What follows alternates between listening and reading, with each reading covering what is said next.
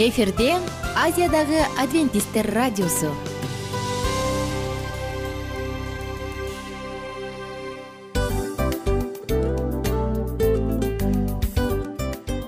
Достор салют. Баардык сүйүктүү угармандарыбызга салам айтабыз. Кутман күнүңүздөр менен.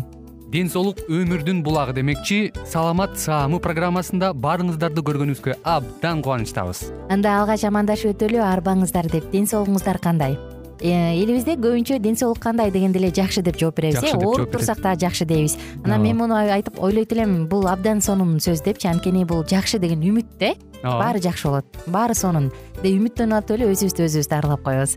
Анысы кандай? Сиздин дагы ден соолугуңуз жакшы беш деген үмүттөбүз чындыгында ден соолук бул өмүрдүн булагы деп бекеринен айтылган эмес деп ойлойм. Кыргыз элинде анткени эгерде ден соолук жок болсо анда адамдын жашоосунда калган баардык керектүү маңыздуу нерселер өзүнүн баалуулугун жоготуп коет. Ошондуктан ден соолук бул эң керектүү нерсе. Ооба туура айтасың кесиптешим. Чынында ден соолугуң жок бир эки үч күн ооруп калсаң эле э кандай болуп калат? Жашоодо көз каранды болуп каласың көп нерсеге жетишпей каласың көп нерсени кыла албай каласың жада калса эшикке дүкөнгө да чыга албай каласың. Туптуура анан ден соолук болсо демек биз биздин бактыбыз тотой деп койсок болот. Анда достор саламат саамы рубрикабызды баштайлы. Алдыда өзүңүзгө керектүү болгон сонун кеңештерди уга аласыздар. Мына ошондуктан биз менен бирге болуңуздар. Ал эми биз болсо милан жана айнура. Кеттик алга. Алга саламат саама ден соолуктун жарчысы. Саламат саама ден соолуктун ачкычы. Күн сайын сиз үчүн мыкты кеңештер сонун жаңылыктар кызыктуу фактылар биздин рубрикада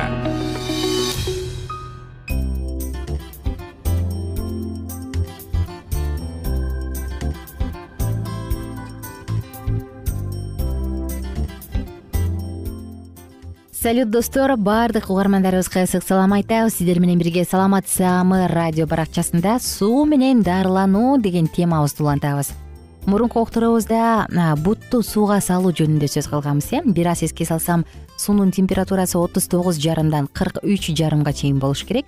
Адам бутун биринчи салаардан мурун колуңуз менен акырын бутуңуз анын бутун сууга салыңыз дегенбиз. Парить этип же бууланып жаткан адамды чүмкөп жакшылап кымтып одеял менен жабыш керек дегенбиз эгерде зарылчылыгы болсо башына муздак сүлгүнү коюу керек жок болсо анда койбой эле коюу дагы шарт деп айтканбыз. Эми достор бүгүн сиздер менен кийинки темага кезек беребиз. Бул ысытылган сүлгүлөрдү колдонуу. Мында биз сиздер менен кандай пайдалуу кандай терс жактары бар маанилүү эскертүүлөргө токтолобуз.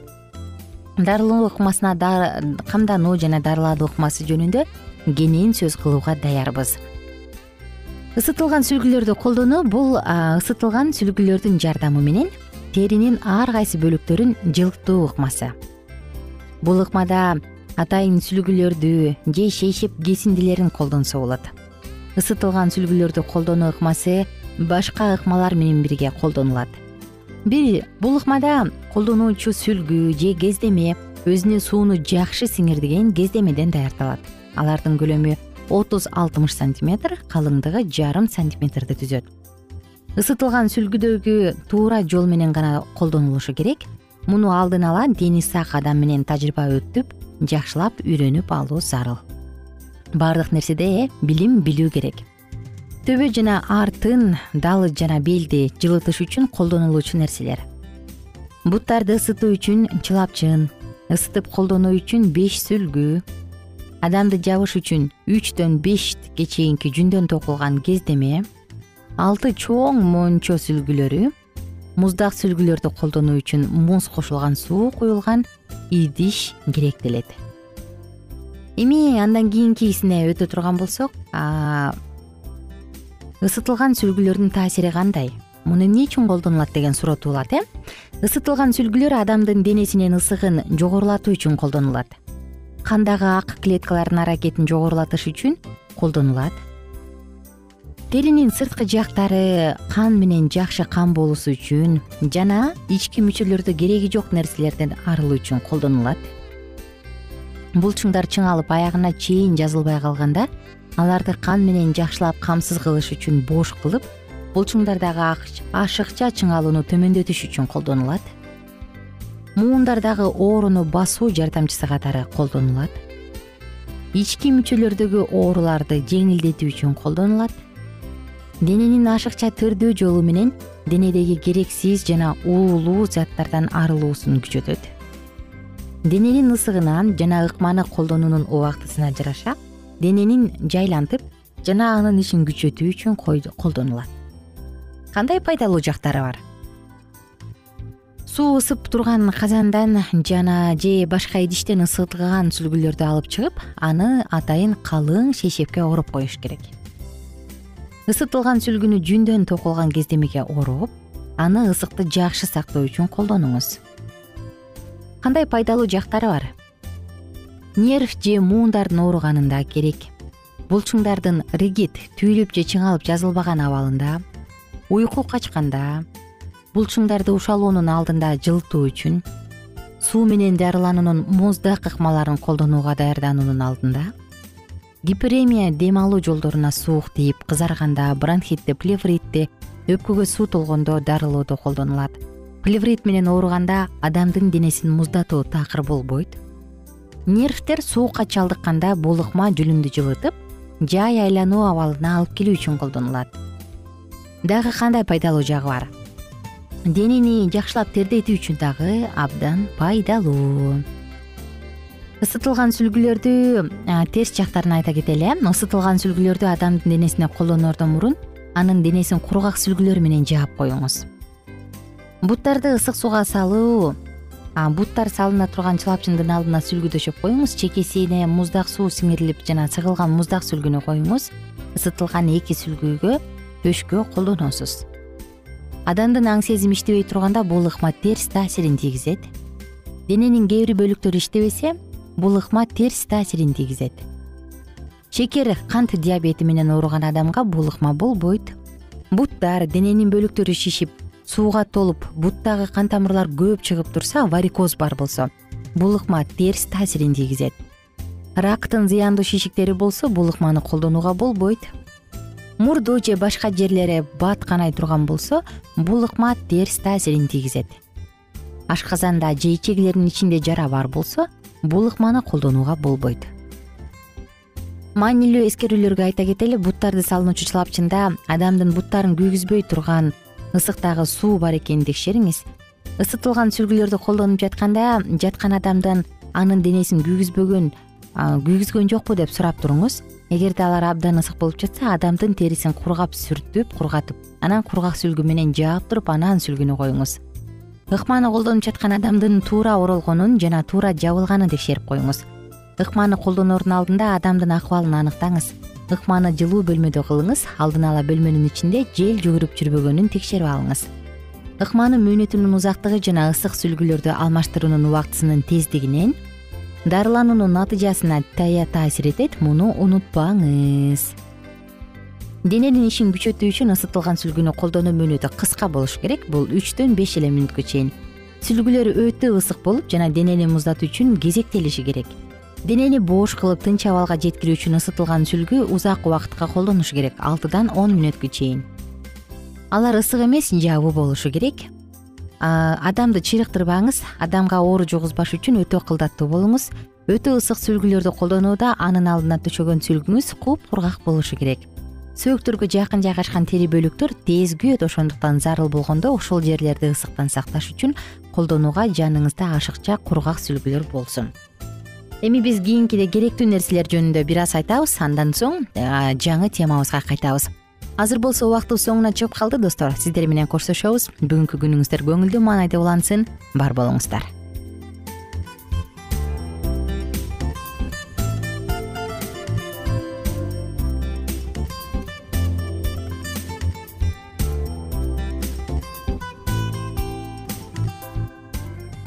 Кененирээк маалыматтар үчүн үч w чекит саламат чекит клуб сайтына келип таанышыңыздар жана андан тышкары социалдык тармактарда youtube facebook жана instagram баракчаларына катталыңыз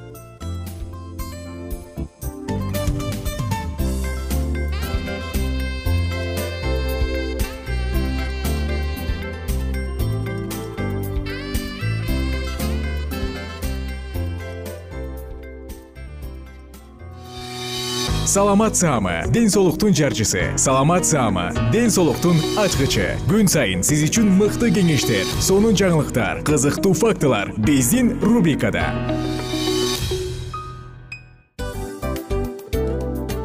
Салам достор. Кайрадан биздин сүйүктүү рубрикабызга кош келиңиздер деп айтмакчыбыз. Баардык замандаштарыбызга арбаңыздар деп саламыбызды айтабыз. Улуу ушундай бир э, урматтаган учурашуу менен анан дил маек радио баракчабызга чакырабыз. Негизи дил маек биздин рубрикабызда эмне жөнүндө кеп кылабыз? Бул дил маектин мааниси эмнеде? Рубрикабыз менен кичине тааныштырып кетсеңиз. Сөзсүз түрдө тааныштыра кетейин кесиптешим суранычы боюнча бул учурда бул радио баракчада биз ар тарап кесип ээлеринен сонун кеңештерди алабыз сүйлөшөбүз сырдашабыз аталарыбыздын эжелерибиздин апаларыбыздын кеңештерин угабыз айтор жан дүйнөгө адамдын э, сапатына адамдын деги эле адам болуп жашашына керектүү баардык кеңештер алдыда. Негизи э, дил маек дегенде баягы эки адамдын ортосундагы сырдашуу кенен сүйлөшүү. Негизи эле биз адамдар бири бирибиз менен бир жерге жай жерге отуруп алып өзүнчө тынч э, жашоо жөнүндө өмүрүбүздө эмне болуп атканын бөлүшкөнү жакшы көрөбүз э адамдар. Ооба туура айтасың анан э, мындай учурга кээде убакыт да жетпей келет э? Же болбосо сырыңды кайгыңды муңуңду кубанычыңды айткың келет адамга ишенбешиң мүмкүн. Ооба. А бул радио баракча угармандарыбыздын чыныгы досу. Анткени бизден алган кеңеш сиздин жашооңузга чоң жардам берет. Ал эми сиздин бизге айта турган сөзүңүз ортодо гана сыр бойдон калат. Ошондуктан биздин дил маек рубрикабызга дагы бир жолу кош келиңиздер. Жана биз даярдаган маалыматтарга даяр болуңуздар. Айнура жана милан сиздер менен бирге алдыга кеттик ар түрдүү ардактуу кесип ээлеринен алтын сөздөр жүрөк ачышкан сыр чачышкан сонун маек. Дил маек рубрикасында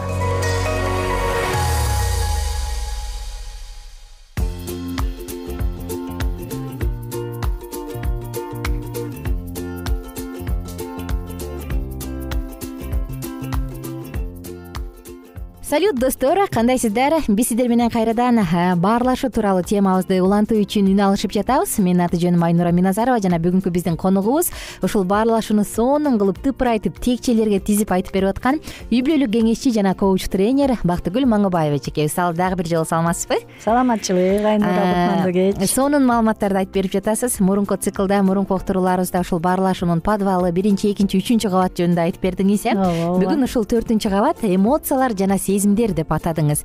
Анан мен суроо бердим элем баарлашууда сезим менен эмоциялардын ролу кандай депчи. Анын кандай ролу бар? Ооба биз баарлашууда бул сезим эмоцияны жабып кала албайбыз э? Анткени биз сен өткөндө айткандай эле тирүү адамбыз э? Ооба. Эгер сезимибиз эмоциябыз жок калса жанагы робот болуп э? Программага коюп койду урушпай талашпай баарын жакшы чечип тыпырайып э, болгонун болгондой кылып кылганын кылгандай кылып коет биз адам ошонусу менен биз кызыкпыз да. Бири бирибизди кабыл алганга анан болотту болот курчутат деген да кыргыздын макалы бар го да э убакыттын өткөнү менен бир жерге келгенде биз э, аялдар жок дегенге үйрөнөбүз же макул дегенге үйрөнөбүз же эркектер макул болгонго үйрөнөт э жанагы өткөндө айткандай чоң атадай болуп ал баарын апасы чечет э баардык бийликти жубайына берип коюптур элүү жыл жашаса ошонун баарын чечип бирок бул бир чети балким жакшы э? Бирок бизде үй бүлөдө эркек башчы болуш керек жоопкерчиликтүүрөөк болуш керек. Жоопкерчилиги эркекте болуш керек. Анан жанагындай кичинеби чоңбу көйгөйлөрдү эркектин катышуусу менен чечилиш керек да. Э, ал эмоция болобу сезимдер болобу. Конечно болот өйдө төмөн болот. Болбой койбойт көп убакта бизди ойлойт ой силер баарын билесиңер силерге жакшы урушпай эле тынч бири бириңерди бир көргөндө эле түшүнөсүңөр дейт жок жашоодо андай болбойт. Анда кызыксыз болуп калат.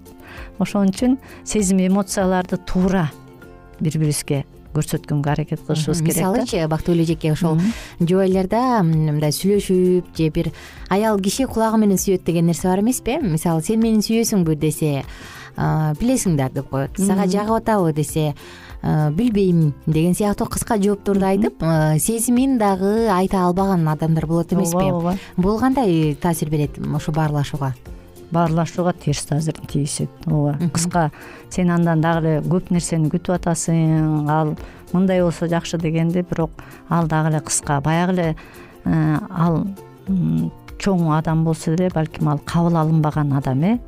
Кабыл алынбаган же четке кагылган биз айтып коебуз го адамдын ичин караса ичинде дагы бир балким сенин ичиңде кичинекей айнура бар менин ичимде кичинекей бактыгүл бар э? Ким билет ооба. Ооба балким бир нерсеге таарынган ошо өскөн эмес э, жашың элүүгө чыкса деле балким ичиңде кичинекей кыз таарынган э? Же эркек адамдар деле. Ошон үчүн мындай биологический возраст деп коет го. Эмоциональный. Ошого жараша иш кылышыбыз керек да. Бирок ар бир эркекпи аялбы ошо өзүнүн жашына жараша болгон жакшы да ошого аракет кылыш. Биологиялык жаш э. прагы дагы. ошон үчүн биз балким убакыт өтүп кетсе өзүбүздө кандайдыр таарынычтар болсо четке кагалоолор болсо ошонун үстүндө иштегенге аракет кылышыбыз керек анан балдарыбызга жакшы тийишкенге аракет кылышыбыз керек.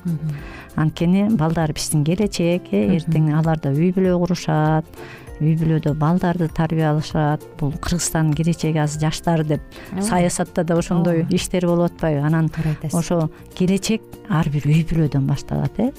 Менин үй бүлөмдө сенин үй бүлөңдө жубайларыбыз менен жакшы мамиледе болсок балдарыбыз айтканды укпайт балдар көргөндү кылат. Бизде уядан эмнени көрсө учканды ошону алат деп коет эмеспи ошон үчүн биз балдарга жакшы үлгү. Эгер биз ошо эмоция сезимдерди туура чечип бир туура багытка жиберсек э жөнөтсөк балдар ошону көрөт. Азыр жакшы эгер э, жубайлар балдары жок кезде э, бири бирине эмоциясын көрсөтүп бирдемени туура чечсе бирок көп убакта балдар катышып калат ошо. Биздин э, өйдө томон сүйлөшкөндөргө э? Эгер балдар үчүн баягы кыйкырык э барчынары деген сыяктуу ый аларга трагедия акыр заман деген сыяктуу ооба туура да айтасың аларга кичинекей психикасына доо кетет. Ооба алар ойлойт а үй бүлө деген ушундай болот турбайбы ооба. Ата деген бул болот экен эне деген бул болот экен э? Эгер ошондой ситуация болсо деле эмоциональный ситуация болсо деле анан кайра балдардын көзүнчө ошону чечкенге аракет кылышыбыз керек да. Бул чын эле кыйын. Өзүң урушуп талашып атсаң э анан тиякта балдар көрүп атса бирок мындай э, психология тайм аут деген сөз бар э ошо өзүңдү өзүң токтотуп кабыл алып алып, э, кой. Бул бул учурда мен жолдошум экөөбүз эле эмес үй бүлө тиякта балдар турат деген аракетибизди кылышыбыз керек да токтотуп. Э, биз ошол мурунку уктуруубузда ой бөлүшүүдөн анан эмоцияларга өтүп атпайбызбы кийинки кабаткачы.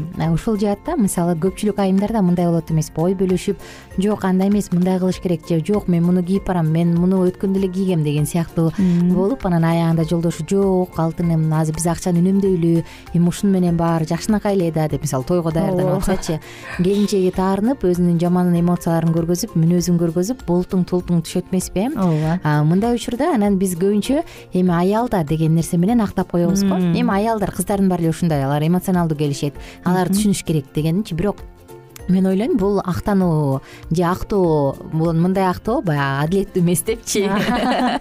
Э, аял кишиден сурагым келип атат да эмоцияларын кантип башкарып ушу баарлашууду андан ары тереңирээк деңгээлге өтүш үчүн ал өзүнүн эмоцияларын кантип башкарыш керек ушу аял киши? Аял киши. Биз кудай жаратканда эле аял эркек болбодук беле. Ошо башынан башталып эле бул жанагы чыр чатактын келишине шарт түзүлгөн да. Анткени аял деген аял эркек деген эркек. Ооба Э, аял бир убакта биз көп нерсени ойлойбуз бирок жакшы натыйжаны деле э, жеткире албайбыз. Көп нерсени жазсак а эркек бир нерсени ойлойт ошону аягына чейин чыгарат. Убактыбыз бүтүп калыптыр тилекке каршы батир эже кийинки уктуруда уланталы э ошондо Э, жакшы болот жакшы. достор биз болсо сиздер менен убактылуу гана коштошобуз. Кийинки уктурууда эгер сиз дагы эптеп эле өзүңүздүкүнө жетиш үчүн баардык эмоцияларыңызды көргөзүп таарынып тултуңдап чайды катуу катуу суна турган болсоңуз анда муну кандай кылыш керек? Кийинки уктурууда улантабыз биз менен бирге болуңуздар ар түрдүү ардактуу кесип ээлеринен алтын сөздөр жүрөк ачышкан сыр чачышкан сонун маек дил маек рубрикасында.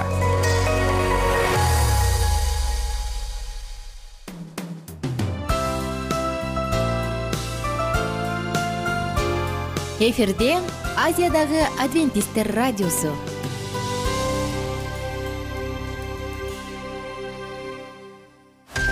жан дүйнөңдү байыткан жүрөгүңдү азыктанткан жашооңо маңыз тартуулаган жан азык рубрикасы.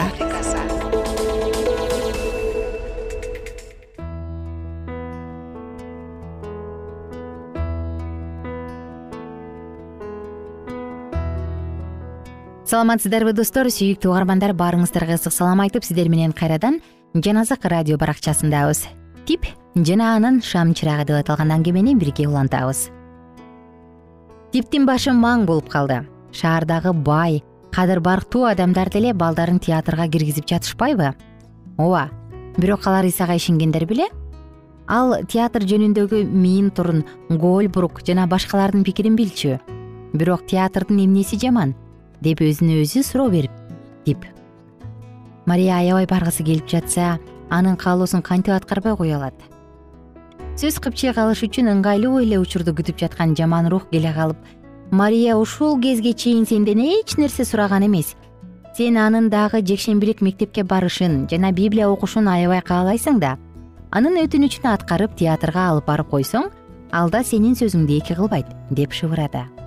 Бирок театрга кирүүнү аябай каалаганына карабай тип бул жолу мындай ойдун натура экендигин түшүндү театрдагы оюн кудайды сүйүүгө жардам бере алышы мүмкүнбү? Жок гольбруктуку эле туура окшойт.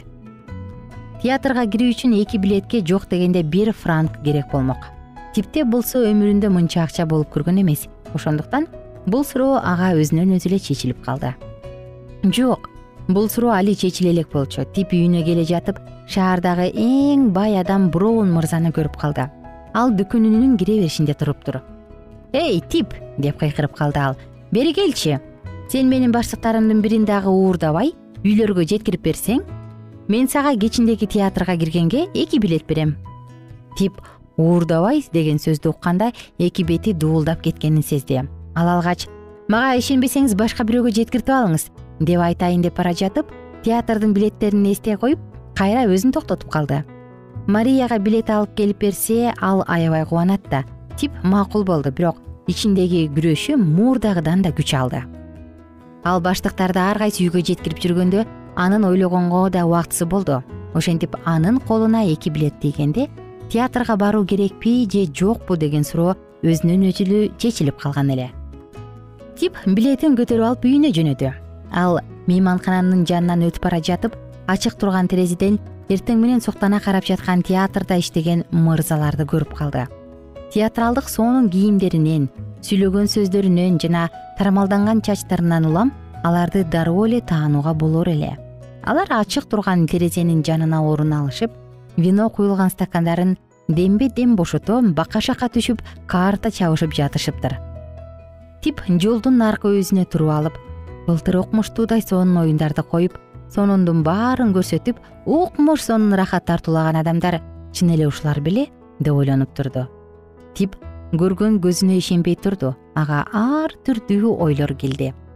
Ал өзүнүн суроолоруна жооп таба албай кыйналып кетти. Жакшы кеңеш бере турган бирөө жарым жолугуп калса эмне? Ал ушундай ойлор менен үйүн көздөй бара жатты. Анан баягы жээктеги мажүрүм талдын астындагы өзү жакшы көргөн жайга жеткенде токтоду да ошол жакка кирип чөпкө отурду. Ал сол колуна театрдын билеттерин бекем кармап оң колун чүнтөккө салып кичинекей библиясын алып чыкты ал эмне кылышты билбегенде чырагына кайрылууну адат кылып алган. Бүгүн ал үчүн эң оор суроо пайда болду. Жооп таппай китепти ары бери барактап жатты. Мага жекшембилик мектептен берген аят аябай жагып калбады беле ошол кайсы аят эле? Деп ал эстей калды. Ошону тапсам жакшы болмок. А мына деди ал бир маалда. Анткени теңир сенин таянычың болот жана бутуңду тузакка түшүүдөн сактайт бирок бул аят анын суроосуна жооп берген жок. Ал ыргылжың боло китепти барактай бергенде алардын жолун ташта алар менен баспа алардан кач алардын жанынан кыя өт деген сөздөр көзүнө урунду. Суроосуна жооп тапкандыгындан кубанычы койнуна батпай үнүн чыгарып окуп жиберди. Бул тим эле так эле мен жөнүндө жана алар жөнүндө жазылган турбайбы алар жаман адамдар окшойт. Анткени алар ичимдик ичип карта ойноп сөгүнүп да жатышпады беле бул жерде болсо алардан кач алардын жанынан кыя өт деп жазылып турбайбы? Мен дароо браун мырзага барып ага билеттерди кайра беришим керек. Тип ордунан шарт турду да чуркап жөнөдү. Ал күйүккөн бойдон броундун жанына келди. Броун мырза! деп кыйкырып жиберди ал демике. Анан балапан балаган тарапты көрсөтүп мен театрга баргым келген жок ошондуктан сиздин билеттериңизди кайра алып келдим деди. Эмне болуп кетти деп сурады броун мырза анын толкунданып кызууланган түрүн көрүп. Эмне бул билеттер менен театрга киргизбей коюштубу? Мен бул билеттерди албайм анткени мен театрга барбайм деп чечтим деди. Ал бул чечимин өзү үчүн дагы бир жолу бекемдегендей эмне үчүн? Анын себептери бар ошондой де. Мен сени тааный албай жатам тип ал эмне болгон себеп болду экен ыя тип эмне деп жооп беришти билген жок. Ал бир аз ойлонуп турду да тайманбай эле ачык айтууну чечти. Мен ушул сыяктуу жерлерге эч качан барбоону чечтим. Мен аларды мурункудай баалабай калдым. Анын жообу броун мырзаны канааттандырган жок. Тип өзү дагы теңирге ишенип калганын жашырбай ачык айтып бериш керек экендигин сезди. Сага бир нерсе болгонго бул чечимиңдин себебин мага түшүндүрүп берчи мен деген деди тип. Мен деген азыр ошолорго тиешелүү сөздөрдү окудум ошолор дегениң ким? Сен ким тууралуу айтып жатасың? Актерлор жөнүндө. Мен аларды мейманканадан көрдүм. Алар карта ойноп ичимдик ичип урушуп талашып деги эле өздөрүн жаман алып жүрүшөт экен. Мен окуган китепте болсо алардын жолун ташта алар менен баспа алардан кач алардын жанынан кыя өт деп жазылган. Мен ошондой кылайын деп жатам ошо. Тип сөзүн бүтөрү менен аткан октой болуп зуу койду. Броун мырза ийнин кошур да.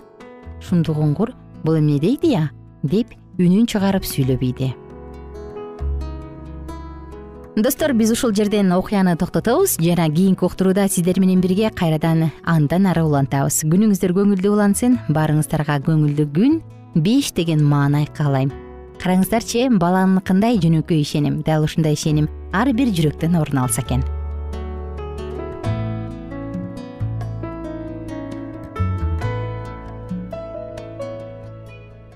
Эгер сиздерде суроолор болсо же көбүрөөк маалымат билем десеңиз анда биздин whatsapp номерибизге жазыңыз. Плюс бир үч жүз бир жети жүз алтымыш алтымыш жетимиш. Кайрадан плюс бир үч жүз бир жети жүз алтымыш алтымыш жетимиш.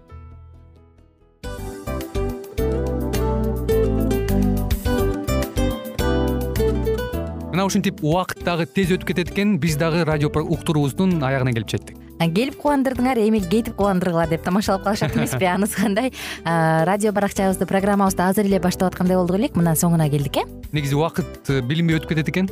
Мен дагы убакыт дегенде бүгүн бир адам менен сүйлөшүп калдым. Анан убакыт бул мүмкүнчүлүк деп айтып өзүмө өзүм айтып алып анан мага өзүмө эле кайра ачылыш болду да чын эле. Э, карап отурсаң ошол эле жыйырма төрт саат ошол эле жарым саат кайталанып атат. Бирок сендеги мүмкүнчүлүк жок ошол кой берилип кетти? Анысы кандай? Бүгүнкү сонун убактыңызды алтындай болгон жарым саатыңызды бизге бөлүп арнаганыңыз үчүн ыраазычылык айтабыз. Анан жашооңуздун кайсы бир сферасын өзгөртө турган сонун пайдалуу кеңеш алган болсоңуз анда биз максатыбызга жеттик. Анан ушул нерсени кылбасам десеңиз ошол өзгөрүүлөрдү кичинекей кадамдардан баштап иш жүзүнө ашырыңыз дагы жашооңузда чоң чоң ийгиликтерге жетиңиздер чын жүрөктөн ар бир берилген кеңештер сөздөр сиздерге пайдасын алып келет деп ишенебиз жана кийинки уктурууларда сөзсүз түрдө чыдамсыздык менен сиздерди күтөбүз. Сагынычтуу салам айтып кайрадан дал ушул жыштыктан баардыгыңыздарды тосуп алганча. Кызматта мен айнура жана кесиптешим милан анда кол каалайбыз жалпыңыздарга ийгиликтүү күн. Саламатта калыңыздар